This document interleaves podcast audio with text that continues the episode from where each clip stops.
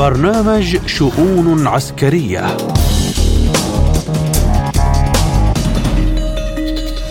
من إذاعة سبوتنيك بموسكو نرحب بكم مستمعينا الكرام أينما كنتم في حلقة جديدة من شؤون عسكرية. أقدمها لكم اليوم أنا محمد جمعة وأبدأها بأهم العناوين. الرئيس فلاديمير بوتين وشي جين بينغ يناقشان الوضع في الشرق الأوسط والمأساة في غزة. الملايين تتزاحم على موقع إكس لمشاهدة مقابلة القرن. ماذا قال بوتين لكارلسون؟ سوناك يؤكد جاهزية بلاده وقدرتها على ردع أي عدوان خارجي.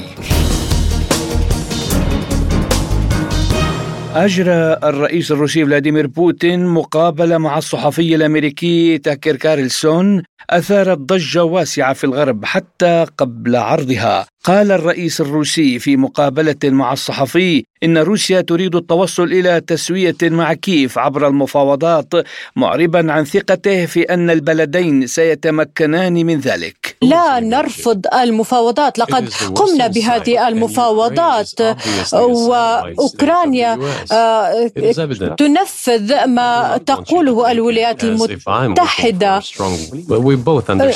نحن ندرك تماما ما ما فإن الدعم المالي من قبل الولايات المتحدة حوالي 200 مليار دولار وكذلك ألمانيا في الفئة الثانية كانت تصل إلى الم...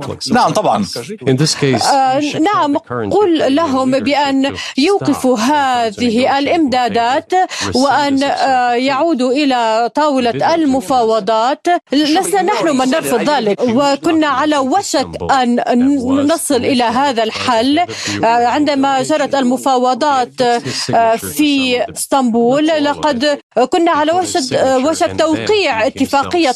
وقد تم التوقيع على موجز منها من قبل الجانب الأوكراني ولكن رئيس الوزراء السابق بوريس جونسون قد منعهم من ذلك. لقد قاموا بهذا الخطأ وعليهم أن يتحملوا المسؤولية. لماذا علينا أن آه، نصحح أخطاء الآخرين؟ وقال بوتين إن الغرب قد بدأ يدرك استحالة هزيمة روسيا الاستراتيجية. لذلك عليه أن يفكر فيما يجب فعله بعد ذلك. دع حلف الناتو يفكر في كيفية الاعتراف بأراضي روسيا الجديدة بكرامة وهو يملك خيارات إذا كانت لديه رغبة لفعل ذلك. حتى الآن الجميع في الغرب يصرحون بضرورة الهزيمة الاستراتيجية لروسيا. وفي ساحة المعركة ولكنهم يدركون أن هذا ليس أمرا سهلا بل مستحيلا وهو لن يحدث أبدا. لقد أصبح قادة الغرب يدركون الآن استحالة هزيمتنا وبالتالي عليهم التفكير فيما يجب القيام به بعد ذلك ونحن مستعدون لهذا. الحوار وإذا كانت الولايات المتحدة ترغب حقا في وقف الأعمال القتالية بأوكرانيا فعليها وقف توريد الأسلحة. سأخبركم بما نقوله عن هذا وما ننقله إلى القيادة الأمريكية. إذا كنتم تريدون حقا وقف الأعمال القتالية فعليكم وقف توريد الأسلحة لأوكرانيا. كل شيء عندها سينتهي في غضون أسابيع قليلة. هذا كل شيء. وبعد ذلك يمكنكم التفاوض على بعض الشروط قبل أن تدخلوا مفاوضات. أليس من الأفضل التوصل إلى اتفاق مع روسيا؟ للتوصل إلى اتفاق يجب فهم الواقع اليوم وإدراك أن روسيا سوف تقاتل من أجل مصالحها حتى النهاية. ولاستيعاب هذا يجب التفكير بمنطق سليم واحترام وطننا ومصالحه والبحث عن بعض الحلول. يبدو لي أن هذا أكثر دهاء وعقلانية. ونبقى في سياق الحرب في أوكرانيا حيث أعلن البنتاغون دعمه الثابت لأوكرانيا بالرغم من إقالة القائد الأعلى للقوات المسلحة الأوكرانية فاليري زالوجني أصدر زيلينسكي قرارا بتعيين الفريق أول ألكسندر سيرسكي قائدا جديدا للقوات المسلحة الأوكرانية خلفا لزالوجني ووصفه بأنه الجنرال الأكثر تمرسا في أوكرانيا. للحديث أكثر عن هذا الموضوع ينضم إلينا من موسكو الباحث في الشؤون السياسية الروسية الأوروبية الأستاذ صدقي زاهر عثمان. أهلا بك أستاذ صدقي في شؤون عسكرية. وأبدأ معك مما قاله الرئيس الروسي فلاديمير بوتين في مقابلته مع الصحفي تاكر كارلسون.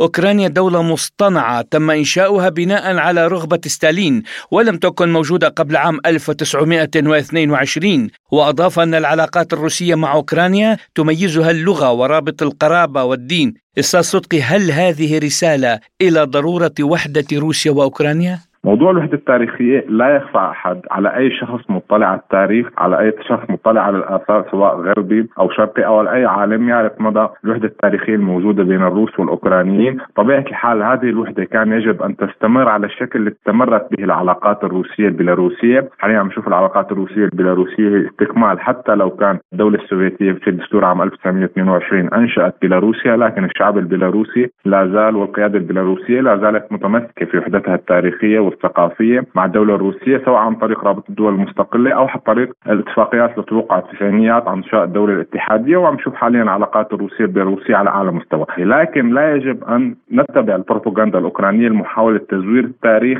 عن محاولة الفصل التاريخية بين هذا الشعبين واعتبار الشعب الروسي شعب منفصل كأنه شعب آسيوي والشعب الأوكراني هو شعب أوروبي ينتمي إلى الحضارة الأوروبية، نعم. هذه هو أهم الرسائل على ما أعتقد أو الحقائق التاريخية اللي يجب انه نستدل عليها. طبعا في سياق المقابلة قال الرئيس بوتين أن بولندا قبل الحرب العالمية الثانية تعاونت مع هتلر ولم تستجب لكل مطالبه. ما الذي يمنعهم الآن من التعاون مع الغرب ولكن بدون الانصياع الكامل لإرادة الغرب؟ يعني بعد الحرب العالمية الأولى كانت الأنظمة الفاشية هي التي تصل إلى السلطة للأسف في أغلب الدول الأوروبية. كمانع أنه منع المد الأحمر أو المد الشيوعي. إذا نذكر بعد الحرب العالمية الأولى انتشرت الفاشية في كل أوروبا ومنها بولندا. يوزف بيلسوتسكي القائد البولندي الفاشي المعروف استمر في حكم بولندا حتى انهيار بولندا بقى النظام الفاشي هو اللي حاكم بولندا. طبعا هذا النظام الفاشي كان موجود في هنغاريا في ألمانيا في إسبانيا في إيطاليا وغيرها من البلدان. هذه الأنظمة حتى لو كانت فاشية وسيئة وقائمه على مبادئ عنصرية لكن كانت تتمتع بشكل أو بآخر باستقلالية معينة أو أفكار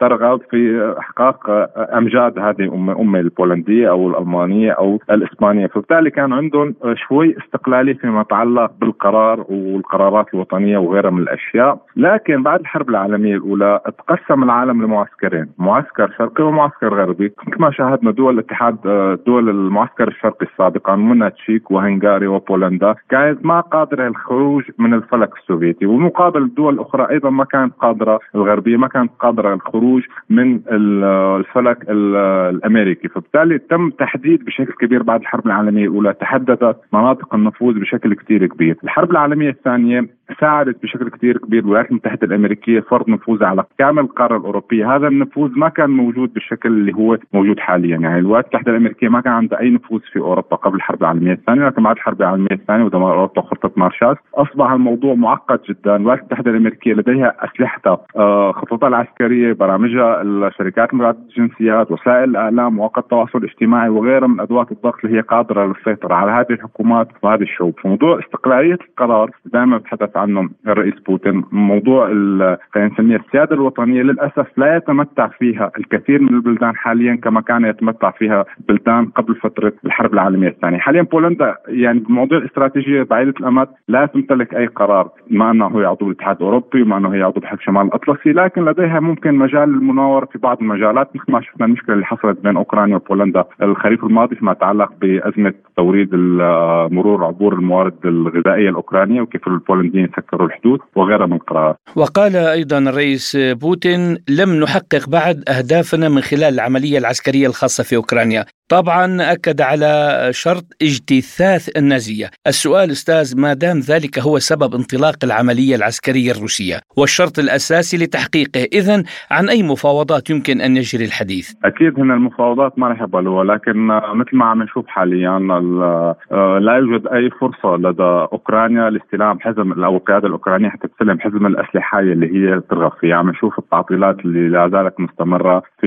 لدى القيادة الأمريكية والبرلمان الأمريكي وحتى في موضوع تمديد الأموال والأسلحة من دول الاتحاد الأوروبي، أي أنهم يعني هن بشكل أو بآخر القيادة الأوكرانية الحالية رهينة القرار الخارجي، طبيعه الحال إذا وصل الأمر لحد الاتفاق لا أعتقد إنه القيادة الأوكرانية الحالية ستلعب أي دور في ذلك، فهي القيادة الأوكرانية الحالية لا تمثل الشعب الأوكراني بكامل أطيافه، هي القيادة الأوكرانية مثل ما تحدث رئيس بوتين إجت عن طريق الانقلاب العسكري اللي كان عام 2014 ومستقبل أوكرانيا مستقبلا مع روسيا بعد وصول الاتفاق في حال انتهاء العمليات العسكرية سيكون عن طريق اجتساس هذه القيادة اللي وصلت عام 2014 مستقبل القيادة الأوكرانية الحالية التي أتت بعد عام 2014 حتما ستكون مشابهة لمستقبل ساكاشفيلي القيادة الأوكرانية الجديدة في حال وصول الاتفاق مع روسيا وأكيد هذا الشيء مطلوب وعملية الحرب لن تستمر إلى الأبد. فبالتالي يجب أن تعود للقيم اللي كانت عليها أوكرانيا. إعادة الاعتبار للغة الروسية اللي تحدث فيها أكثر من 60% من الشعب الأوكراني. إعادة الاعتبار للكنيسة الارثوذكسيه الروسية. اعاده الاعتبار لكل هذه الأشياء واعتبار دولة حسن جوار مع روسيا قائمة على علاقاتها مثل علاقات ما تحدثنا مع بيلاروسيا. فبالتالي لا اجتثاث النازية ليس اجتثاث الشعب الأوكراني بل اجتثاث هذه القيادة اللي أتت بعد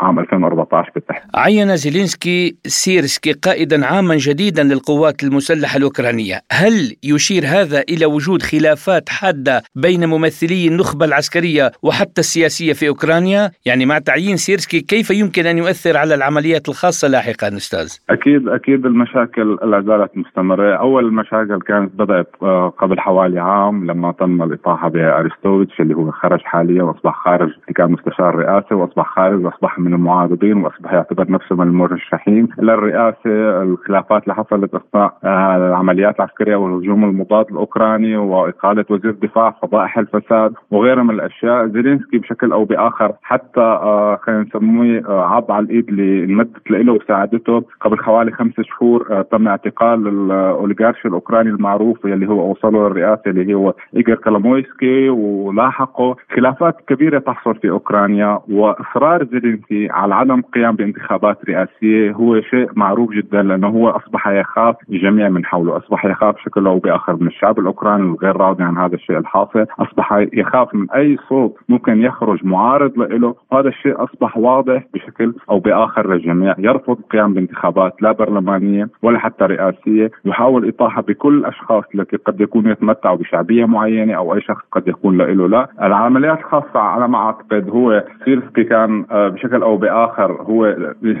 سخريه القدر هو شخص مواليد روسيا ولد في إقليم فلاديمير الروسي حاليا اللي هو ليس كثير بعيد عن عن موسكو. آه، درس في الكلية الحربية في موسكو. تاريخه كله هو شخص روسي ودارس في روسيا ودرس في الكلية العسكرية. الروسيه لكن انتقل لأوكرانيا فيما بعد وانتسب للقوات المسلحة الأوكرانية وكان عم يقوم بعمليات التفاوض بين أوكرانيا والناتو بحيث إنه انتقال معايير الناتو تصبح إنه معايير الجيش الأوكراني مشابهه لمعايير الناتو في حالة الانضمام. سيرسكي بشكل أو بآخر كان مسؤول عن عملية مكافحة الإرهاب مثل ما بسموها القيادة الأوكرانية والتي بدأت في مايو عام 2014 اللي هو عملية آه، مكافحة خلينا نسميهم المجموعات الموجودة كانت في دونيتسك ولوغانسك واللي هي الرافضة للانقلاب اللي حاصل في الحكومة في كييف عام 2014 بطبيعة الحال سيرسكي مرتبط اسمه بهذا الانسحابات الكبيره للقوات المسلحة الأوكرانية والفشل الكبير اللي حصل في لوغانسك ودونيتسك. اللي بنعرف في عام 2014 توصل لاتفاقية مينسك انه لديه فشل عسكري سابق في التعامل مع لوغانسك ودونيتسك. يعني تاريخه العسكري يعني بشكل أو بآخر يشهد إنه لا يوجد الكثير من النجاحات. الولايات المتحدة أبدت اهتماما باقتراح الرئيس بوتين بالتحقيق في حادثة الطائرة إيل 76 أستاذ هل هذا يعني أنه سيتم إجراء تحقيق دولي؟ ولماذا أبدت واشنطن اهتماما بالأساس مع العلم أنها متورطة في الحادث؟ أعتقد هي الاسلحه بطبيعه الحال أكيد أمريكية لا يخفى على أحد هذا الشيء وجميع الصحف العالمية اعتقدت إنه الأسلحة أمريكية لكن هو الاستهداف كان من خلال الأراضي الأوكرانية ومن خلال الأيادي الأوكرانية، يعني موضوع التحقيقات الدولية على ما أعتقد ما بعرف أنا هذا رأيي الشخصي، أنا لا أؤمن كثيرا بموضوع التحقيقات الدولية لأنه مثل ما شاهدنا موضوع نورد ستريم حاليا السويد أغلقت الملف في التحقيق موضوع نورد ستريم، التحقيقات الدولية اللي تتعلق في جرائم الحرب في العالم فيما يخص جميع جرائم الحرب اللي تمت في العالم سواء في غزة أو في غيرها من المناطق لا يتم التحقيق بشكل شفاف بالكافي، يتم معاقبة المجرمين الذي ترى الولايات المتحدة الأمريكية أنه يجب أن معاقبتهم والمجرمين الذي لا يتم معاقبتهم هنا بيكونوا بيتخفوا بشكل أو بآخر. الباحث في الشؤون السياسية الروسية الأوروبية الأستاذ صدقي زاهر عثمان كنت معنا ضيفا عزيزا في شؤون عسكرية شكرا لكم. وإلى فلسطين في يومها السادس والعشرين بعد المئة تتواصل الحرب بقطاع غزة حيث شهدت رفح جنوب القطاع قصفا عنيفا. تزامن مع تحذيرات من عملية عسكرية إسرائيلية كارثية في هذه المنطقة التي نزح إليها أكثر من نصف سكان غزة. في السياق أعلنت حركة حماس أن وفدا برئاسة خليل الحية نائب رئيس الحركة في غزة وصل إلى القاهرة بهدف استكمال المحادثات المتعلقة بوقف إطلاق النار. وفي الرياض عقد وزير الخارجية السعودي اجتماعا تشاوريا لبحث وقف الحرب الإسرائيلية على غزة وإنفاذ المساعدات الإنسانية للشعب الفلسطيني بحضور وزراء خارجية قطر والإمارات والأردن ومصر وأمين سر اللجنة التنفيذية لمنظمة التحرير الفلسطينية ووزير الشؤون المدنية. في سياق متصل قال مساعد الرئيس الروسي يوري أوشاكوف أن الرئيس بوتين والرئيس الصيني شي جين بينغ خلال اتصال هاتفي بحثا تفاقم الصراع الفلسطيني الإسرائيلي والوضع في غزة وتطابقت مواقف روسيا والصين بشأن التسوية في الشرق الأوسط تماما. للحديث عن آخر تطورات الحرب في غزة ينضم إلينا من بيروت الخبير العسكري الاستراتيجي اللواء عبد الرحمن شحيتلي. أهلا بك سيادة اللواء في شؤون عسكرية. وأبدأ معك من هذه الاجتماعات المتلاحقة في الرياض والقاهرة لمناقشة وقف إطلاق النار في غزة. هل هناك من نتائج مرجوة؟ ولا سيما أن الموت يتزايد على مدار الثانية. نعم أعتقد أن كل هذه الاجتماعات المطلوب منها تقديم يعني يسعى تسعى الدول العربية لتقديم مقترح إلى الأمم المتحدة بقبول دولة فلسطين كدولة في الأمم المتحدة. وعلى ما يبدو أن هناك إجماع دولي على هذا القبول وبذلك يكون قد وصلنا إلى يعني اليوم الثاني الذي يتحدثون عنه، اليوم التالي ما بعد حرب غزة، عندما يصدر قرار من الامم المتحدة بقبول دولة فلسطين، هذا يعني إنهاء دولة غزة. وهذا أيضا ما تريده إسرائيل، يعني إسرائيل تريد حماس بدون حكومة غزة، والفلسطينيون بشكل عام يريدون دولة والدول العربية والولايات المتحدة الأمريكية وبريطانيا أيدوا وجود هذه الدولة، فاليوم يعني الذي يبحث الآن ما هي الضمانات العربية التي يمكن أن تقدم في أنه أن العرب باستطاعتهم تأمين الوصول إلى هذه الدولة وتأمين مقتضيات هذه الدولة ومتطلباتها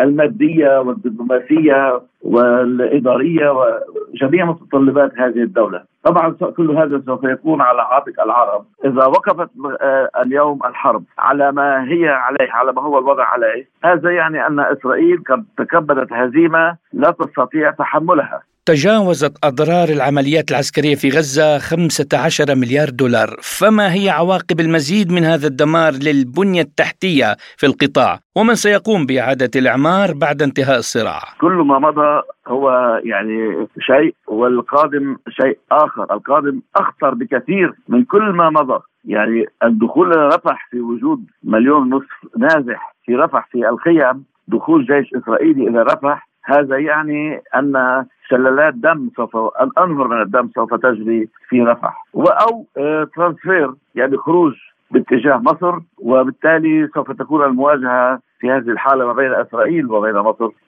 الآتي إذا لم يتوصلوا إلى حل خلال آه، يعني الأيام المقبلة آه، الآتي هو أعظم مما مما قد سبق. أما عن عملية إعادة بناء أو غيره يعني هذا ممكن بصناديق صندوق دولي يفتح طبعا بمساهمة الدول العربية بالأساس ومساهمة الدول الكبرى وخاصة أن التعاطف الدولي مع الشعب الفلسطيني في غزة كان كبير جدا أفاد حزب الله بإطلاق صواريخ على قاعدة جوية إسرائيلية هل يمكن الحديث عن تصعيد خطير على الجبهة اللبنانية في ظل تراجع حدة القتال في فلسطين؟ الحدث البارحة عملية ملاحقة سيارة وضربها في مدينة النبطية. آه، حدث كبير جدا وتحول كبير جدا لأن آه، إسرائيل يعني إذا كانت قد قامت بعملية قبل الآن على الضاحية الجنوبية واستهدفت مسؤول من حماس وإنما اليوم هي تقوم بعملية ضد مسؤولين من حزب الله ضمن المدينة خارج منطقة العمليات المتعارف عليها. تطور الخطير بدأ من قبل إسرائيل الحقيقة والرد حزب الله جاء ردا على هذه العملية ما زال حزب الله يحصر مواجهته بالجيش الإسرائيلي ومراكز الجيش الإسرائيلي دون الحاق الأضرار بالمدنيين أو بالمنشآت المدنية. الرئيس الروسي فلاديمير بوتين بحث مع نظيره الصيني شي جين بينغ الوضع في الشرق الأوسط وأكد أن وجهات نظر موسكو وبكين بشأن حل المشكلة الفلسطينية متطابقة تماما. سياده اللواء ما هو احتمال أن يصبح الاتحاد الروسي والصين ضامنين للأمن في المنطقة؟ الاتحاد الروسي والصين الآن باع طويل في المنطقة وأصبحوا مقبولين أكثر من غيرهم خاصة بعد اشتراك الولايات المتحدة الأمريكية وحلفائها في عمليات القصف والتدمير لمناطق كثيرة في الشرق الأوسط وخاصة بعد الدعم الكبير الذي تلقاه تلقته إسرائيل من الولايات المتحدة الأمريكية ومن هذه الدول بصورة مباشرة دخولهم وتعاطفهم معها من أول الحرب، بالتالي طرح الاتحاد الروسي وطرح الصين أصبح مقبولا أكثر لدى شعوب المنطقة وخاصة أن الطروحات هي دائما طروحات للسلام وللأمان وللتطوير الاقتصادي مع دول المنطقة دون تمييز بين دولة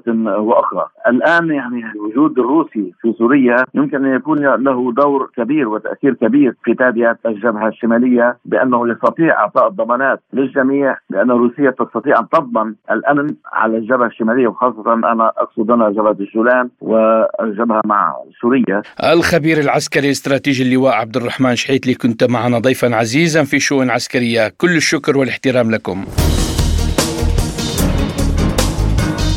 وفي ملفنا التالي وردا على سؤال ما إذا كانت بريطانيا مستعدة للدفاع عن نفسها بشكل مناسب إذا وجهت روسيا أبراجها المدفعية في اتجاهها قال رئيس الوزراء البريطاني ريشي سوناك إن بلاده ثاني أكبر دولة منفقة على الدفاع في حلف شمال الأطلسي ومستعدة لضمان أمنها من أي هجوم خارجي. وأشار إلى أن الدول الغربية أصبحت الآن في وضع أقوى لمقاومة المزيد من العدوان. بدوره أفاد سيرجي ناريشكين مدير جهاز المخابرات الخارجية الروسية في تصريحات سابقة بأن التصريحات حول الخطط المزعومة لهجوم روسي على الناتو هي حرب معلومات لتبرير العدوان الهجين الحالي للغرب ضد روسيا. بينما قال وزير الخارجية الروسي سيرجي لافروف إن روسيا ليس لديها أي رغبة ولا حاجة ولا عسكرية ولا سياسية ولا اقتصادية لمهاجمة أي شخص في مكان ما.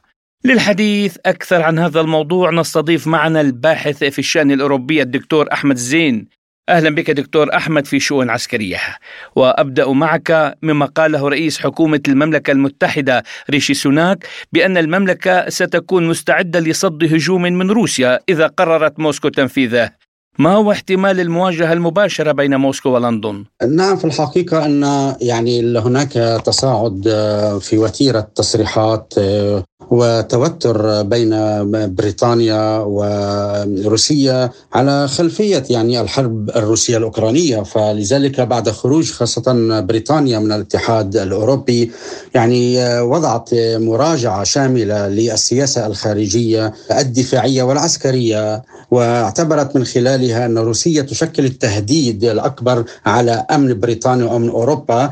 ولذلك تريد بريطانيا استرجاع نفوذها ومجدها والتي كانت تتمتع به أيام الإمبراطورية البريطانية. وقد شهدنا هناك أحداث يعني بين روسيا وبريطانيا على خلفية يعني تسميم العميل المزدوج في الماضي سكريبال في بريطانيا. كذلك على خلفية المواجهة التي حصلت في البحر الأسود بين حاملة الطائرات البريطانية وعدد من السفن الروسية. عندما حاولت بريطانيا انتهاك سيادة المياه الإقليمية لروسيا.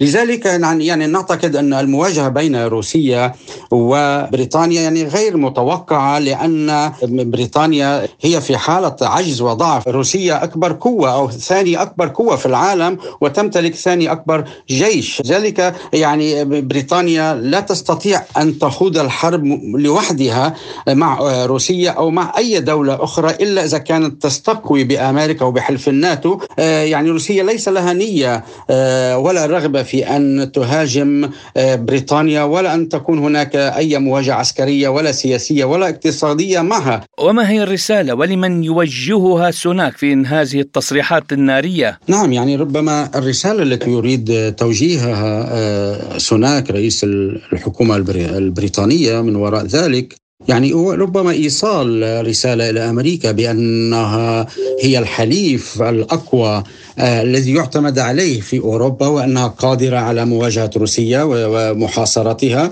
بريطانيا تريد أن تظهر بمظهر القوة المسيطرة على أوروبا وربما الرسالة الثانية تريد بريطانيا إرساله إلى الداخل البريطاني إلى الجمهور البريطاني من دافعي الضرائب للحصول على الأموال من الخزينة للإنفاق العسكري وللقوات المسلحة وتجديد ترسانتها. يعني حتى تقول لهم أن هذه بسبب المخاطر الخارجية علينا أن يعني هذه الأموال هي ليست لهدر وإنما تدخل ضمن الحفاظ على الأمن. الامن القومي البريطاني. كذلك هم يريدون تجديد الأسلحة النووية التي يعتقدون الخبراء العسكريون بأنها ستكلف تجديدها أكثر من 200 مليار دولار على مدى السنوات الثلاثين المقبلة. وهذه الرغبة في يعني زيادة الإنفاق وتجديد الترسانة ربما هو مربوط بالتدخل الغربي والتدخل الأمريكي البريطاني في الصراعات والحروب التي يعني تنشأ في إن كانت في أوكرانيا أو كان في الشرق الأوسط ومختلف المناطق واللي ممكن أن تحدث في بين يعني تايوان والصين. وربما كذلك يعني هي الحاجة الغرب إلى يعني الإبقاء على الجهوزية العسكرية خصوصا بعدما شاهدوا كيف تساقطت إسرائيل وكيف منيت بهزيمة كبرى بعد طوفان الأقصى. ولماذا تلتزم بريطانيا العظمى بشدة بالمسار المناهض لروسيا في ضوء حقيقة مفادها أن التهديدات المستمرة تأتي من المملكة المتحدة؟ بريطانيا لا تزال يعني يسيطر عليها العقلية الاستعمارية العقلية أنها كانت القوة الإمبراطورية التي التي لا تغيب عن عنها الشمس. لذلك هي التي تريد أن دائما توجه يعني مسار المناهض لروسيا والتصعيد ضدها انطلاقا يعني من قناعة بريطانيا الأمنية بأن روسيا تشكل دولة كبرى في أوروبا وهي تشكل خطرا على بريطانيا وعلى أمنها حسب اعتقادهم. وكذلك ربما تسعى بريطانيا دائما إلى اتخاذ هذا المسار المناهض لروسيا من أجل كسب تعاطف الدول أوروبا الشرقية وهي التي كانت جزء من الاتحاد السوفيتي والتي انضمت إلى الاتحاد الأوروبي وهي محاولة من بريطانيا ربما لتوحيد هذه الدول الشرقية التي كانت لا تزال يعني خائفة من من سيطرة روسيا عليهم بعد الانضمام إلى الاتحاد الأوروبي. اقتصاديا أو سياسيا أو دبلوماسيا واحتكار علاقات بريطانيا مع هذه الدول على حساب روسيا. دكتور أحمد يعني قال أيضا سوناك أن الدول الغربية أصبحت الآن في وضع أقوى لمقاومة المزيد من العدوان. ما الذي جعلها أقوى؟ وهي التي تنهار اقتصاديا بسبب انشغالها في دعم أوكرانيا. نعم يعني ما يدعيه سوناك بأن الدول الغربية أصبحت الآن في وضع أقوى لمقاومة العدوان.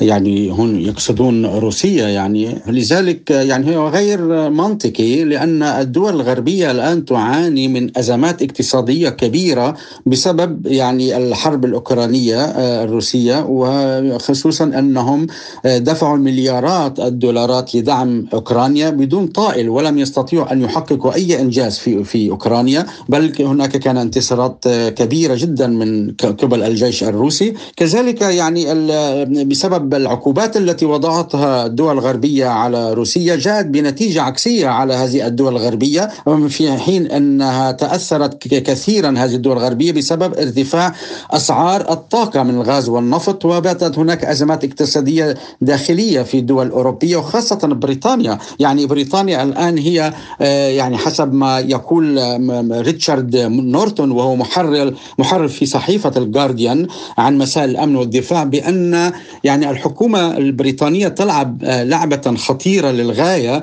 يعني هم يريدون القادة العسكريون أن ينغمسون في حمل الحرب ولكن لا تدعمهم هذه التهديدات ذات المصداقية بسبب خطابات أنها خطابات فارغة لأنهم يعني يساعدون الصراع. وبذلك هم يهددون أمن بريطانيا وأمن أوروبا. المشكلة أن ستعم الجميع لو وقعت الحرب. فلذلك يعني هذه المشاكل التي تعاني منها المنظومة العسكرية والاقتصادية لبريطانيا هي يعني ربما هي وراء هذه كل هذه الحملات التصعيدية ضد روسيا لحرف الأنظار الشعب البريطاني عن حقيقة ما يحصل في الداخل البريطاني من أزمات اقتصادية واجتماعية واقتصادية. الباحث في الشأن الأوروبي الدكتور أحمد زين كنت معنا ضيفا عزيزا في شؤون عسكرية. شكرا لكم.